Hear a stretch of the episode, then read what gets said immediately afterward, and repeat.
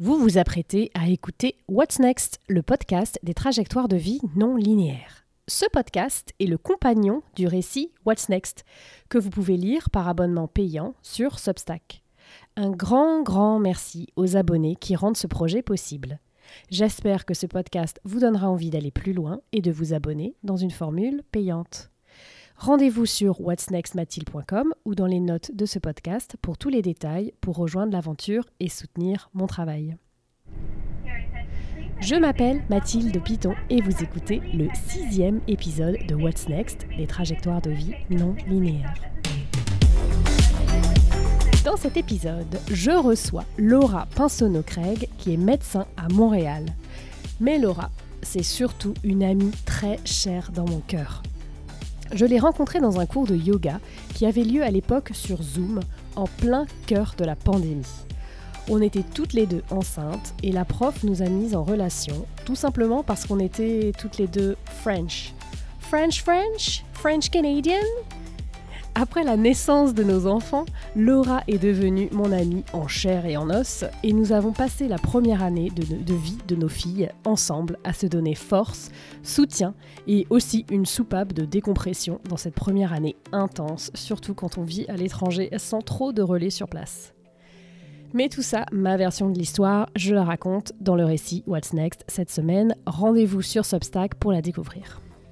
Dans ce podcast, par contre, c'est Laura qui raconte son histoire, la première année avec sa fille, la reprise du travail dans des conditions très très particulières, mais aussi son parcours professionnel avant d'être médecin. Vous verrez, c'est surprenant. Place à Laura, c'est parti. Bonsoir Laura, je suis hyper contente de te parler. Salut Mathilde, moi aussi, vraiment beaucoup. J'ai donc quelques questions à te poser sur euh, ta première année, la première année avec ta fille et puis sur ton, sur ton travail. Euh, mais ma toute première question, c'est comment est-ce que tu réponds à la question qu'est-ce que tu fais dans la vie? Euh, ben Maintenant, c'est assez simple. Je suis médecin de famille et puis depuis, depuis deux mois environ, je suis médecin de famille facile à expliquer. Je fais de la prise en charge, je fais du bureau, je fais du sans rendez-vous. Et puis, je travaille euh, dans ce qu'on appelle au Québec un CHSLD. C'est un soin de longue durée pour des patients en perte d'autonomie. Euh, donc, je fais ça une journée semaine aussi. J'ai quand même trois jobs différents présentement, mais tous dans le cadre de mon métier de médecin de famille. Pourquoi tu dis que maintenant c'est facile à expliquer? Parce que pendant trois ans, depuis ma graduation, finalement, j'ai fait ce qu'on appelle du dépannage. Donc, euh, j'allais euh, dépanner dans les milieux où il manque de médecins de famille euh, au Québec. Puis, je me déplaçais de milieu en milieu, mais principalement, j'étais localisée dans le Grand Nord du Québec. Donc, j'allais vraiment dans la pointe du Québec, travailler dans les communautés inuites. Et puis, j'allais faire principalement euh, de l'urgence ou du sans rendez-vous euh, dans les communautés euh, mal desservies du Québec. Et puis, ben, c'était un peu plus difficile à décrire parce que c'était pas régulier comme travail, c'était la médecine de brousse, là. Il y, il n'y a pas beaucoup de ressources là-bas. On est juste des médecins de famille. Il n'y a pas vraiment de spécialistes. Il n'y a pas vraiment de tests. et puis, je faisais ça de façon plus sporadique avant l'arrivée de ma fille, j'y allais quand même de façon régulière, puis je faisais des longs stretches, donc euh, de quatre à six semaines de travail. Puis ensuite, j'avais un à deux mois de pause, ce qui me permettait de profiter de la vie euh, à Boston, où on s'est rencontrés euh, et où j'habitais pendant que je faisais ça. mais une fois que ma fille est arrivée, ben, on s'est vite rendu compte que ce travail-là de dépannage était beaucoup plus difficile avec un enfant. Aller faire huit heures de vol pour se rendre c'est cinq vols souvent pour se rendre dans les petits villages avec des accompagnateurs. Donc, j'apportais des grands-parents pour s'occuper de ma fille pendant que je travaillais. Euh, ben, ça amenait son lot d'incertitudes et puis de complications. Voilà, c'était beaucoup plus compliqué que ce que je fais maintenant, finalement. Tu es presque allé plus vite que la musique, si je puis dire, parce que je voulais te demander justement, je voulais, je voulais qu'on parle spécifiquement de cette année, de ces quelques mois, en fait, après la naissance de ta fille. Comment tu as fait pour reprendre le travail. Et en fait, ma question, elle est presque en deux temps. Ma question, c'est surtout comment est-ce que tu avais imaginé les premiers mois avec ta fille et si tu t'étais dit que tu voulais travailler? Et puis comment ça s'est passé euh, en réalité? Au Québec, on est vraiment chanceux. Je pense que c'est similaire en France, mais on a le droit à un congé de maternité de environ un an. En France, je pense que c'est beaucoup moins. Hein. Au Québec, on est vraiment choyé. Euh, par contre, moi, euh, je l'étais un peu moins parce que puisqu'on vivait à, à Boston, j'ai pas eu le droit au, programme québécois de salaire de congé de maternité. Donc, j'ai décidé par moi-même de prendre une année quand même de congé de maternité, mais sans paiement. Donc, j'ai, puisque j'étais, euh, j'avais fait quand même beaucoup de travail avant, j'avais comme accumulé euh, de l'argent qui me permettait d'aller faire euh, ce congé-là de maternité de un an. Et puis, j'avais vraiment en tête qu'une fois cette année de congé de maternité finie, j'allais retourner au travail de dépannage et puis j'allais faire ça à moyen long terme avec ma fille, ce qui allait me permettre de rester à Boston avec mon conjoint, euh, qui lui, à ce moment-là, entreprenait un, un postdoc résident, un programme de trois ans à Harvard, et puis qui avait potentiellement des, des chances de rester euh, à Boston pour un métier plus tard. Donc, si moi, si moi ça marchait, ce projet de dépannage, ben, on pourrait rester à plus long terme parce qu'en réalité, le problème avec euh, être à Boston, c'est que moi, je ne pouvais pas travailler à Boston, même comme médecin de famille. Et puis, en fait, ça ne me tentait pas nécessairement non plus. Puis le travail de dépannage, j'aimais beaucoup ça. Puis j'avais vu des gens faire ça avec des enfants. Donc, je me disais, moi aussi, je vais être capable. Euh, donc, euh, en fait, est venu le moment du retour de congé maternité. Et puis, c'était en janvier. Et on a décidé que j'allais aller faire un premier stretch de 10 jours dans un petit village qui s'appelle Inukjua. C'était trois vols d'avion pour y aller, environ, normalement environ cinq heures de vol d'avion. Euh, et puis, je suis montée avec mes deux parents qui sont euh, tout près à ce moment-là de leurs 70 ans. Et puis, euh, on est monté pour finalement atterrir dans le mauvais village. On est arrivé dans un village où il y avait finalement un logement avec un petit lit de bébé, mais aucun drap, où le seul drap, en fait, dans le logement avait un gros trou dedans. Euh, le lit de ma fille faisait du bruit euh, tellement épouvantable qu'elle s'est réveillée au moins cinq fois dans la nuit en gros pleurs alors que normalement elle faisait ses nuits. Et puis le lendemain, ils nous disent que finalement on on peut pas repartir parce que il y a encore trop de blizzard au niveau du village où on doit atterrir. Et puis euh, je leur dis ben écoutez, il faut absolument que j'y aille. Moi je suis de garde demain, je garde, je suis garde pour six villages dans le Grand Nord. Il faut absolument que je décolle. Donc, finalement, ils ont nolisé un vol pour qu'on se rende, mais c'est un mini-avion où il y avait huit passagers, pas d'hôtesse de l'air. En fait, c'est les, les, pilotes qui se retournent puis qui nous disent si vous avez trop chaud, vous nous le dites. Oui. Désolée, ça me fait rigoler. C'était fou. Un vol d'une heure, il faisait il y avait tellement de bruit que je pouvais même pas parler à mes parents qui étaient littéralement à côté de moi. Je, regardais ma fille qui avait probablement genre qui avait même pas de casque d'écoute parce que je m'attendais pas à ça, tu sais. Puis on atterrit dans ce voyage, euh, dans ce petit village-là, finalement, après une heure de vol, pour arriver dans un village où ça fait au moins un mois qu'ils n'ont plus d'eau potable. Et puis nous, on n'a pas eu d'eau pendant huit jours sur dix, donc mes parents devaient fondre de la neige pour qu'on puisse avoir de l'eau. Donc bref, ça c'était juste le à côté du métier. Et puis finalement, en plus, le, le stretch en tant que tel a été vraiment compliqué. Ma collègue avait le pied cassé, donc il fallait que je choisis son taxi. Il ne pouvait pas se déplacer de nuit, donc c'est moi qui prenais ses gardes. J'ai été appelée. Je pense que je n'ai pas dormi aucune nuit de tout le, de tout le 10 jours. Donc ça, ça a résumé mon premier stretch. Et puis, euh, j'ai fait deux autres stretches par la suite. Une fois, on a pogné la gastro, et puis euh, l'autre fois d'après, mes parents ont eu la COVID juste avant de pouvoir juste avant de monter, deux jours avant. Donc, j'ai dû trouver un plan B. Et puis, la personne qui devait les remplacer ne pouvait pas rester tout le long. Finalement, euh, mes parents sont venus une fois que la COVID était, l'isolation de 10 jours était terminée, mais ils ont été pris dans un autre village à, cause encore d'un blizzard. Donc, j'ai dû manquer mes gardes, et puis, etc., etc. Ce qui fait en sorte que, en trois stretches, je me suis rendu compte que ce projet de travailler avec une petite était euh, probablement non réalisable. Et puis ça, ça prenait même pas en considération le fait que mon conjoint, lui, devait se, s'éloigner de sa fille pendant, une, deux semaines. Et puis il trouvait aussi ça difficile, quand, à cet âge-là, quand les enfants reviennent après deux semaines de, de distance, elle revenait de nos stretches, elle avait arrêté de dire papa, par exemple. donc, pour lui, c'était difficile de se dire, ben, ma fille me reconnaît même pas. Tu l'Internet est tellement mauvais qu'on peut pas s'appeler. Alors, ouais, disons que ça a comme pété ma balloune en bon québécois. Tu peux m'expliquer péter ma balloune? Ben, c'est comme le, rêve étant la balloune, et puis on, ah, la brise, et puis ça, ça éclate la balloune rendu à ce moment, on on a eu comme euh, une discussion, en fait, euh, Arthur et moi, mon conjoint et moi, puis on s'est dit euh, que ça marchait pas, qu'il fallait trouver un plan B.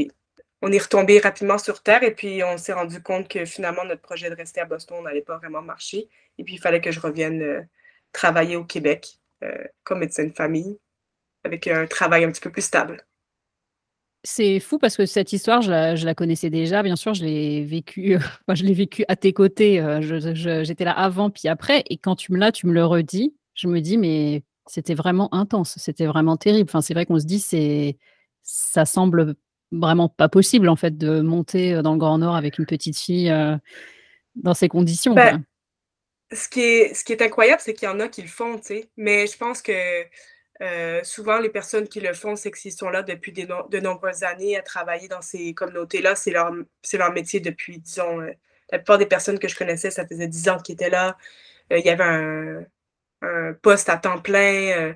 ils ont le droit de faire rembourser des billets d'avion pour leurs accompagnateurs, alors que moi, ce n'était pas le cas. Donc, même au niveau monétaire, je veux dire, ça coûtait cher. les billets d'avion pour se rendre, en fait, dans le Grand Nord, ça s'élève à 4000 dollars juste un billet d'avion pour un accompagnateur. Donc, tu fais le calcul, euh, il faut que ça vaille la peine d'y aller. Donc, je ne sais pas comment ils font, mais je sais qu'il y en a qui le font. Mais je dirais que la plupart des médecins, en fait, on se rend compte qu'ils font peut-être une année ou deux, puis par la suite, ils décident de, se relocaliser ailleurs au Québec. Euh, c'est le cas, en fait, de quelques collègues que j'avais vus qui le faisaient, puis finalement, je me rends compte qu'eux aussi ont décidé de faire un changement de carrière. Si je reviens sur, le choix de passer la première année entière avec ta fille, même si tu étais pas payé, est-ce que c'est quelque chose de passer, tout ce temps avec elle? C'est quelque chose que tu souhaitais? Et est-ce que c'est quelque chose que tu tu pas du tout regretté? Il y a pas au bout de quelques mois où tu t'es dit: «Ça y est, c'est temps de revenir au travail»?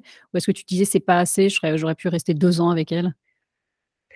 je dirais qu'un un an, c'était vraiment génial je veux dire, j'ai jamais, j'aurais écourté cette période-là. J'ai vraiment adoré. Euh, c'est sûr qu'il y a des journées plus difficiles que l'autre, on s'entend. Euh, il y a quand même des journées où tu as l'impression que, que tu sais pas trop qu'est-ce que tu es en train de faire, puis tu es en train de perdre la tête un peu. puis c'est là que ça fait du bien d'avoir une amie à qui aller, euh, avec qui ventiler au parc, en l'occurrence Mathilde. Je dirais que après un an, puis le retour au travail, j'avais quand même un peu hâte de retourner, mais pas tant pour retourner au travail, mais plus pour retrouver un, équilibre et puis euh, une possibilité de revenir un peu à une normale, entre guillemets, dans le sens de faire quelque chose pour moi. Parce que je trouve que juste être à temps plein avec un enfant, ça, euh, on perd un peu cette notion du moi et puis on devient un peu... Euh, c'est tellement important, c'est tellement la prunelle, de nos yeux, cet enfant, que on dirait qu'on fait tout pour l'enfant. Et puis, euh, c'est facile de s'oublier. Donc, de retourner au travail puis d'avoir la routine, ça permet un peu d'avoir euh, ben, un bon 8 heures dans ta journée où finalement tu fais des choses que toi, pas que le, travail, c'est toujours quelque chose que tu as envie de faire. Il y a quand même des journées maintenant où je suis comme, ah, j'étais bien quand même en congé de maternité, où je pouvais juste comme euh, m'occuper de ma fille et puis euh, c'est tout. Mais, mais ouais, ça fait du bien quand même de, faire quelque chose d'autre de mes journées maintenant. Justement, tu, tu parles d'équilibre, de retrouver une forme d'équilibre quand tu, quand tu travailles. Donc, tu dis que c'est pas parfait parce que des fois, le travail, ben, c'est pas toujours ce que tu as envie de faire, mais t'en es où de ça, en fait, de cette, euh, de cette recherche d'équilibre? Est-ce que, parce qu'il y a certes, il y a le travail, mais il y a aussi euh, euh, la vie à côté, les amis, les sorties, euh, la vie en couple. Est-ce que tu as l'impression là que tu trouves une sorte d'équilibre ou c'est encore, euh, elle est encore trop petite pour ça ou... On est en processus. Tu sais, je dire, ça fait, ça fait deux mois qu'on est de retour au Québec. Donc, je, je passe, je, j'ai plus de temps, en fait, j'ai plus de, j'ai plus un, plus grand cercle d'amis que j'avais à Boston, donc je, je, vois plus d'amis que je le faisais quand j'étais à Boston. Donc ça, ça fait quand même du bien. Mais par contre, euh, j'ai pas retrouvé le, temps et l'énergie ou les opportunités pour, euh, par exemple, incorporer le sport. Je faisais de la course à pied, j'en fais plus du tout. On en fait un peu la fin de semaine, mais courir une fois semaine. Euh, donc ça, c'est clairement quelque chose qui va devoir s'intégrer plus tard, mais on est tellement en adaptation encore. Ça m'a pris du temps, juste par exemple, réussir à, me faire un dîner euh, que je pouvais amener avec moi au travail. Parce que les premiers jours, j'avais tellement, j'avais pas le temps de dîner et puis j'avais pas de dîner. Donc, je finissais par avoir fini ma journée, puis j'avais pas dîné, puis j'avais un gros mal de tête. Puis réapprendre à faire la routine avec un enfant en plus qui te permet de fonctionner pour le travail, quelque chose que je faisais avant, mais qui était comme un peu intuitif, mais maintenant qu'il l'est plus, euh, ça a pris du temps, puis on est encore là-dedans juste de réapprendre à.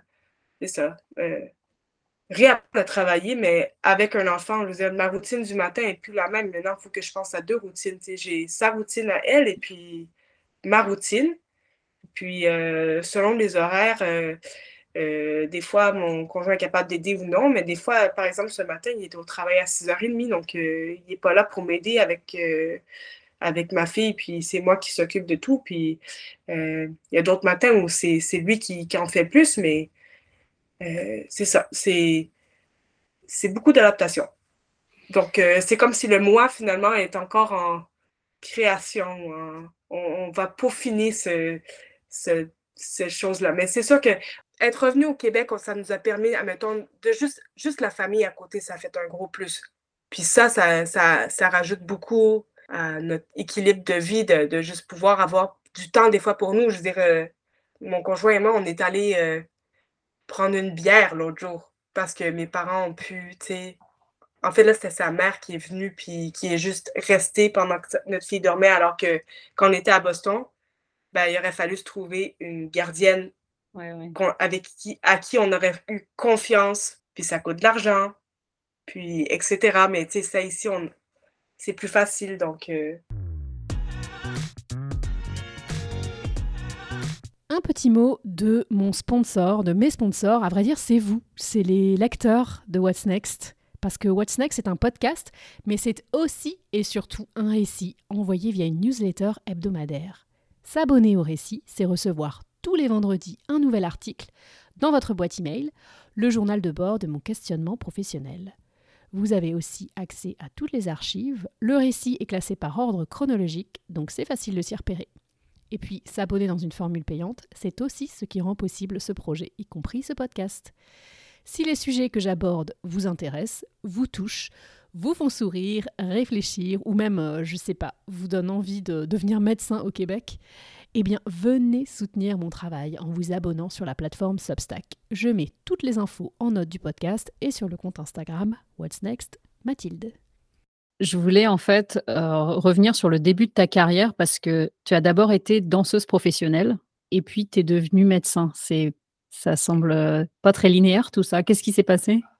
Mais ben, je pense que mon parcours a juste jamais été linéaire. Euh, au Québec, on a ce qu'on appelle le cégep, qui est une. Dans le fond, c'est qu'une fois qu'on finit le secondaire, on a deux années euh, pré-universitaires qu'on appelle le cégep, qui te permettent de faire un peu de sciences de base, euh, dans le but aussi de comme avoir ces deux années-là pour réfléchir un peu à ton, à ton avenir puis ton, ton orientation professionnelle quand on finit le secondaire, tu choisis un peu est-ce que tu vas aller en sciences humaines, est-ce que tu vas aller en sciences nature ou en sciences santé? Euh, il y en a qui décident aussi d'aller faire d'autres choses en musique, etc. Mais en général, c'est souvent les deux branches qu'on choisit. Et puis là, moi, je m'étais orientée en sciences santé. Euh, et puis, euh, j'ai toujours été assez performante à l'école. Donc, ben, j'ai performé. Puis le monde, il me disait, ben, tu vas rentrer en médecine alors ça me, ça me dérangeait un peu que le monde disait que parce que j'avais des bonnes notes, j'allais nécessairement aller en médecine. Alors moi, je m'étais dit dès le départ que je ne voulais pas rentrer en médecine. Et puis en fait, j'ai décidé de m'orienter en environnement. Et je suis allée euh, faire un... Ben, en fait, j'ai commencé un baccalauréat en environnement. à l'Université McGill. Et puis, euh, entre-temps, en parallèle, euh, j'avais fait au secondaire du, de la danse. Je faisais du...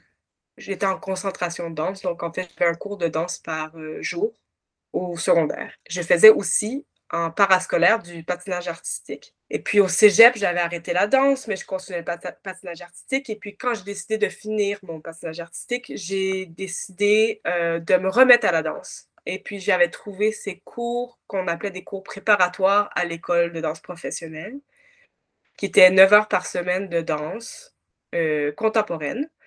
Donc, j'ai commencé à faire ça les soirs pendant que je commençais mon baccalauréat en, environnement.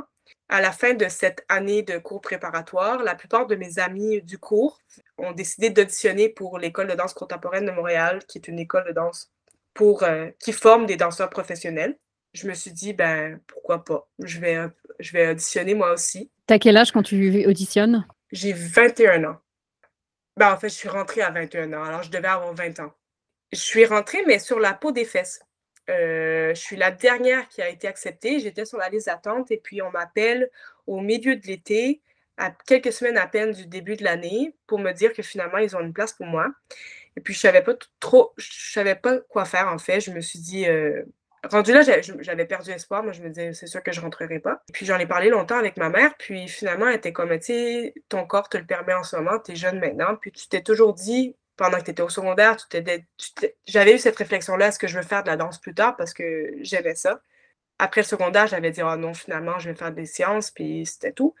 Alors, elle était comme, ben, pourquoi tu? Pourquoi tu n'essayes pas? Alors, euh, je, suis rentrée à l'école de danse me disant, ben, je vais essayer. C'était pas comme. Euh, ah, c'est toujours ce que j'ai rêvé de faire, euh, c'est ça ma. Tu sais, c'était un peu comme je vais essayer, je vais faire une année, si j'aime pas ça, je vais lâcher, puis je ferai autre chose. on voit dans mon parcours déjà que je suivais un peu la voie qui, se présentait devant moi, puis si ça se présentait, j'y allais, puis si ça se présentait pas, tant, tant pis. C'était un peu comme ça que j'abordais la chose. Donc, je suis rentrée dans l'école, j'ai fait ma première année, j'ai aimé ça. J'ai fait ma deuxième année, j'ai décidé de finir le programme et puis de faire mes trois ans.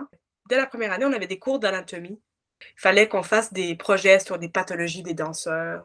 Et puis moi, je tripais. Puis mes amis ont commencé à m'appeler la, médecin, la docteur, parce que je, lisais là-dessus, puis j'aimais vraiment beaucoup ça.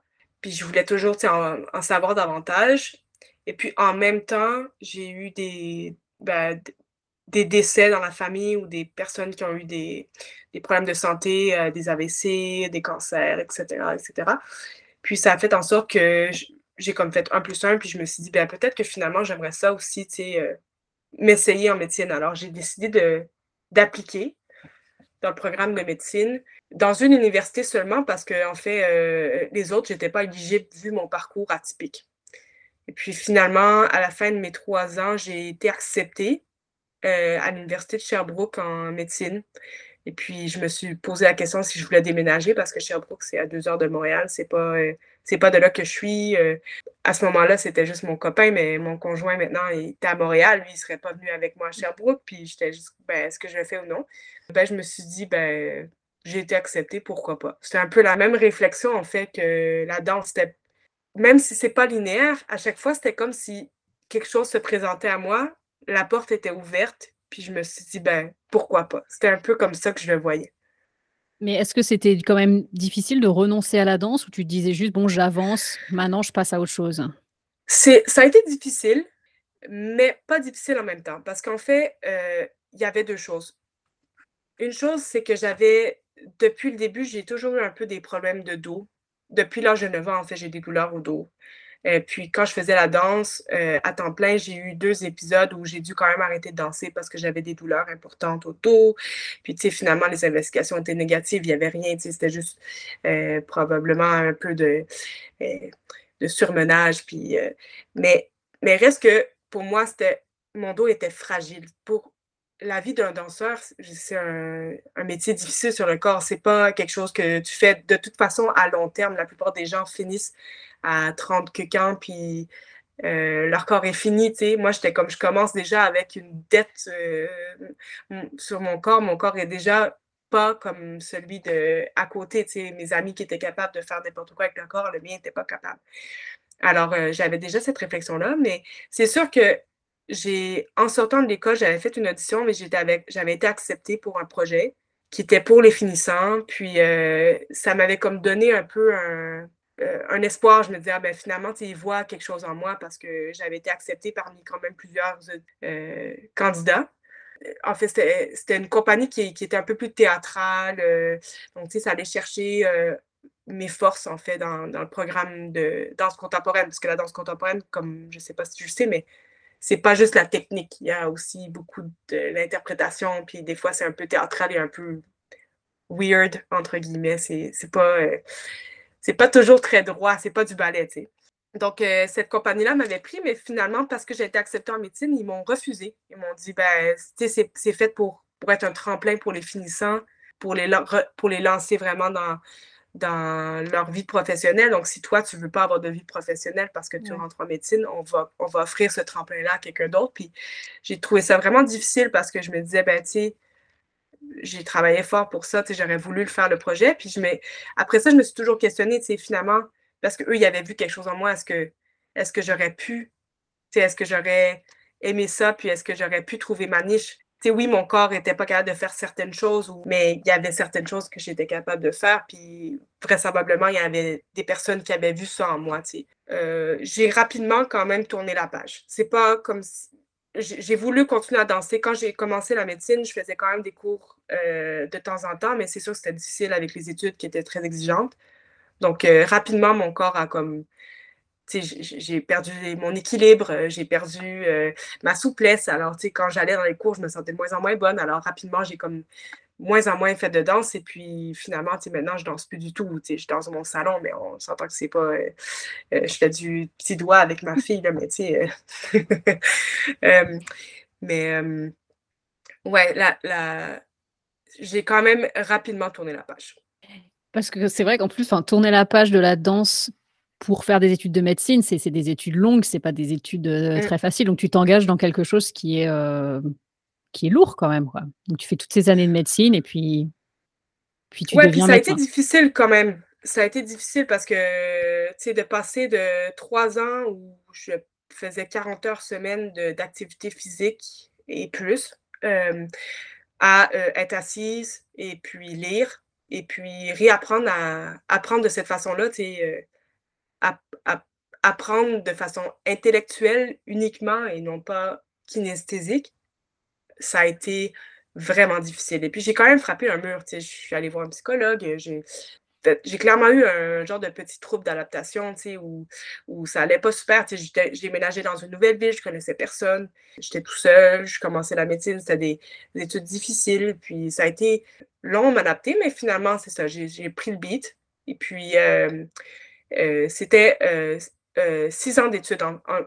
Pour la médecine de famille au Québec, c'est entre six et sept ans, selon l'université à laquelle où où on va. Et puis, donc, ça a été quand même six ans d'études mais qui ont passé vite. Hein. C'est rapide finalement. Euh. Est-ce que c'est un métier qui te plaît aujourd'hui? Oui, c'est un métier qui me plaît, j'aime ça. Mais il y a des jours où je me demande qu'est-ce que je fais. des jours où je trouve que la pression est très élevée. Euh, c'est un métier demandant. Je, je, travaille, euh, je travaille le soir souvent. Je, je, continue à faire de la formation continue. Donc, j'étudie beaucoup le soir. puis des fois, je me demande, est-ce que est-ce qu'au niveau de la qualité de vie, est-ce que c'était le bon, bon choix, parce que des fois, je vois d'autres amis où, eux, dès qu'ils ont fini le travail, c'est fini, ils font leur 9 à 5, puis euh, ils sont rentrés et c'est fini. Moi, c'est clairement pas ça, mais c'est sûr que je me considère encore en début de pratique, d'autant plus que j'ai fait trois ans, dont un an et demi de congé de maternité, et puis euh, de un an et demi où je ne travaillais pas à temps plein. Donc, donc, depuis ma graduation, donc j'ai gradué il y a trois ans, donc, je suis clairement en début de pratique, donc j'ai beaucoup de choses à, rattraper, puis beaucoup de choses à apprendre. C'est stimulant. C'est un travail qui est très gratifiant quand on fait quelque chose, puis qu'on a l'impression que les patients aiment ça, puis ils sont, ils sont satisfaits, ou on a réussi à, à, changer, euh, ben, à, changer cours d'une vie, ou il y en a pour qui euh, c'est de poser le bon diagnostic, c'est poser le bon, c'est offrir le bon traitement, ou juste être une, oreille attentive, euh, quelque chose que le patient avait besoin. Euh, donc, c'est très gratifiant, mais des fois, c'est très frustrant aussi. c'est pas toujours très gratifiant, c'est parfois frustrant aussi. Mais oui, je pense quand même que j'ai, je suis dans le bon métier. Ce, ce serait quoi pour toi une vie professionnelle réussie? Tu pourrais te retourner dans 10 ans et tu dirais euh, c'était une bonne décennie professionnellement? Euh, ben en fait, là, je suis encore en processus euh, de réorientation, pas de, carrière, là, mais réorientation de clinique. donc, trouver la place où je vais être comme à temps plein. Puis, ce que je souhaiterais, c'est de travailler dans une clinique communautaire, on appelle ici un CLSC, et puis faire, continuer à faire le, les soins à longue durée. Mais quand je vais avoir trouvé ça, puis je vais pouvoir avoir le temps que je veux avec les patients, d'avoir euh, justement, je pense, de trouver cet équilibre-là un peu de, de carrière, puis la vie de maman et puis de, conjointe, puis de, ouais, d'avoir l'équilibre de vie, là, famille, euh, travail. Quand je vais avoir réussi à trouver ça, je vais être satisfaite. Mais c'est sûr qu'en ce moment, c'est clairement pas là où je suis. Mais tu sais, ça fait deux mois. Il faut que je me donne du temps. Tu voulais faire quoi quand tu étais petite? Pour vrai, je sais pas. C'est pas. Euh, j'ai pas été quelqu'un. Euh, j'ai jamais été. Je pense que j'ai jamais su ce que je voulais faire. Puis c'est pour ça aussi que je pense que je me suis orientée en médecine de famille parce que, tu sais, finalement, je suis pas quelqu'un qui, comme quand j'étais petite, je voulais devenir X, là. C'était pas précis. Moi, j'étais juste comme, je veux être bien. Je veux pas être infirmière. Ça, ça, je savais. Je voulais pas être infirmière. Pourquoi pas infirmière? Parce que ma mère était infirmière, puis je trouvais qu'elle manquait, euh, que ses collègues et puis euh, qu'on manquait de respect envers les infirmières. Puis je m'étais dit, je préférais être quelqu'un qui, qui qui respecte les infirmières, mais j'ai pas envie d'avoir un job où on manque de respect envers moi. c'est un peu chiant, mais, bref, oui, je voulais. C'est drôle parce que ma mère est prof et elle m'a souvent découragée à devenir prof, alors que c'est quelque chose qui m'aurait, euh, je pense, qui, qui, aurait pu me plaire. Mais elle m'a toujours dit que c'était un métier très dur et justement, voilà, pas très respecté. Alors que moi, je trouve que c'est quand même un super, euh, un super job, quoi. Ben ouais. Ben, même chose, je pense. Euh, mais tu vois, tu finalement, infirmière, je suis, quand même dans, allée dans le milieu de la santé. Et puis, c'est ça. Moi, je respecte beaucoup les infirmières. Je trouve que c'est mes bras droits. Puis, euh, puis j'espère qu'ils sentent que, que je les respecte parce que, je veux dire, sans eux, qu'est-ce qu'on ferait, là? La vraie dernière question, c'est euh, quand est-ce qu'on se revoit? Quand est-ce que vous venez à oh! Boston? Ben oui, mais de un, euh, vous êtes les bienvenus n'importe quand à Montréal. Et puis, ben, il faut vraiment qu'on prenne des vacances et puis qu'on vienne à Boston parce qu'il commence à faire froid déjà à Montréal. J'ai hâte. Bon, Laura, merci beaucoup euh, d'avoir répondu à mes questions, d'avoir pris le temps sur, euh, sur ton temps précieux sur la soirée. Et puis, euh, à très bientôt. Ça me fait vraiment plaisir. À bientôt. Je vous avais déjà présenté Laura en creux dans une newsletter de juillet 2022 envoyée via mon blog, le blog de Mathilde. La newsletter s'appelait Friends parce que j'aime bien les titres en anglais. Le franglais, c'est ma deuxième langue. Je parlais du fait d'avoir des amis quand on vit à l'étranger et que ces amis partent. Surtout dans une ville comme Boston, une grande ville universitaire dans laquelle les gens vont et viennent pour avancer leur carrière, sont de passage et puis repartent. Alors Laura et moi, c'est une histoire d'amitié à l'étranger qui démarre à Boston. Et une fois que j'ai réécouté cet entretien, je me suis dit que ça aurait pu être une question que je lui ai pas posée, lui demander ce qu'elle avait aimé de cette vie à Boston, de ce qui lui manquait aujourd'hui. Ce sera un sujet pour une autre fois, la prochaine fois qu'on se verra à Montréal ou ici à Boston. Vous pouvez lire d'ailleurs cette newsletter, Friends. Elle est encore accessible gratuitement sur la newsletter du blog. Elle est dispo sur euh, le blog de mathilde.substack.com. Et oui, je vais bien finir par vous faire venir sur Substack. Ce que je retiens de ma conversation avec Laura dans le cadre de ma réflexion euh, What's Next, c'est l'équilibre après l'arrivée d'un enfant, le chaos organisé entre la vie professionnelle et tout le reste. Eh bien, ça prend du temps. Ça, je dois vraiment me le répéter souvent, car euh, la patience, c'est pas mon fort. Donc d'avoir des expériences euh, d'autres personnes, d'autres amis qui vivent la même chose que moi, bah, c'est vraiment un bon reminder. Dans ma conversation avec Laura, Je retiendrai en fait tout simplement son récit incroyable, ses aventures dans les terres inuites dans un mini avion après un blizzard avec sa fille et ses parents. Ça me fait relativiser mon trajet euh, un peu catastrophique en poussette pour aller chez la pédiatre à 20 minutes de chez moi. C'était incroyable.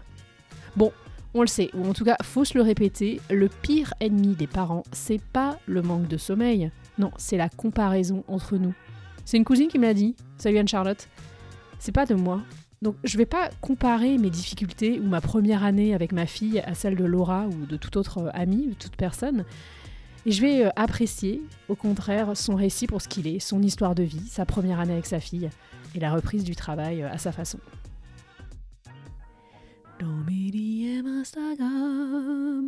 Vous répondez cette semaine à la question Comment s'est passée la reprise du travail après l'arrivée de votre premier enfant? Hello Mathilde, alors moi c'est Célina, j'ai 33 ans et j'habite près de Nantes. Euh, mon métier, c'est euh, content manager, donc je rédige des contenus pour, euh, pour du marketing. Et j'ai repris le travail après bébé en novembre de l'année dernière. Et mon petit garçon avait alors trois mois. je dirais du retour au travail après bébé que c'était que c'était difficile, tant physiquement que psychologiquement. Bah, le premier jour, j'étais là sans être là. J'étais pas du tout à l'aise physiquement parce que bah, j'étais toute serrée dans mon jean de grossesse. J'avais mal parce que j'allais encore un peu. Et puis, euh, bah, tout avait changé et, moi et au travail, c'était vraiment bizarre. J'étais contente de retrouver des collègues, mais j'ai eu le droit aussi à des, commentaires pas très bienveillants euh, qui, qui m'ont un petit peu marqué. Et puis ça s'est pas arrangé euh, les, semaines, euh, les semaines euh, suivantes et je me suis rendu compte que bah, j'avais perdu pas mal de responsabilités de mon boulot, dans mon boulot et j'en parlais et ça bougeait pas. Donc au bout d'un moment j'en ai eu marre, j'en avais marre de rentrer le, soir en, pleurant donc bah, j'ai démissionné. Voilà et je me lance dans le freelance. À très bientôt et merci pour tout. Pour participer au prochain podcast, j'attends vos réponses à la question suivante. Quel est votre usage d'Instagram? Est-ce que vous scrollez dans l'anonymat le plus complet? Est-ce que vous likez, vous partagez, vous DMez Est-ce que c'est un outil professionnel? Ou voire même est-ce que c'est un outil de développement personnel? J'attends vos témoignages sur Instagram. Ne soyez pas timide. Un message vocal sur mon compte What's Next Mathilde et hop, envoyé. Je m'appelle Mathilde Piton et vous venez d'écouter What's Next des trajectoires de vie non linéaires. Si cet épisode vous a intéressé et que vous l'écoutez jusqu'au bout, c'est-à-dire jusqu'à maintenant, eh bien abonnez-vous, partagez-le, mettez-lui des étoiles sur votre app d'écoute, 5 de préférence. See you dans deux vendredis pour un prochain épisode et tous les vendredis pour un nouveau récit sur What's Next. Pour vous abonner et soutenir mon travail, rendez-vous sur whatsnextmathilde.com. Bye bye